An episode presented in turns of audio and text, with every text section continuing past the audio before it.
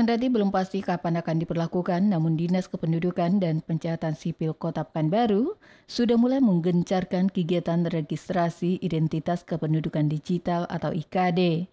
Kepala Disduk Capil Kota Pekanbaru Irmano Prita menjelaskan, saat ini selama MTQ tingkat Kota Pekanbaru berlangsung di Kecamatan Kulim, pihaknya telah membuka stand registrasi IKD. Selain juga dalam waktu dekat registrasi IKD juga dapat segera dilakukan di kantor UPT Disduk Capil yang berada di kantor kecamatan.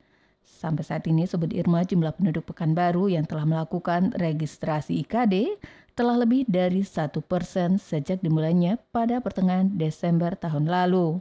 Ditargetkan minimal di tahun 2023 ini, sekitar 25 persen penduduk Pekanbaru yang wajib KTP telah melakukan registrasi IKD. Satu persen lah, sudah satu persen itu kan, uh, udah 7 ribu sekian.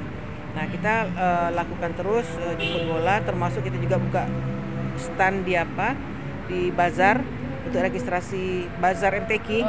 uh, untuk registrasi IKD dan insya Allah dalam waktu dekat UPTD juga sudah kita buka untuk layanan KD itu. Hmm. Gitu. Target kita tahun ini 25 persen. Hmm. Nah ini yang yang agak agak berat 25 persen itu eh, apakah eh, kalau misalnya antusias masyarakat sangat tinggi, kakak rasa bisa bisa tercapai. Di lain sisi, masih rendahnya partisipasi masyarakat melakukan registrasi IKD kemungkinan dinyatakan Irma karena IKD mas masih belum diberlakukan.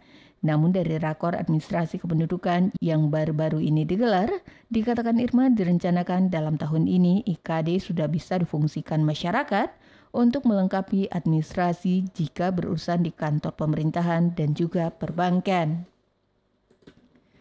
Desi Suryani, Tim Liputan Barabas, melaporkan.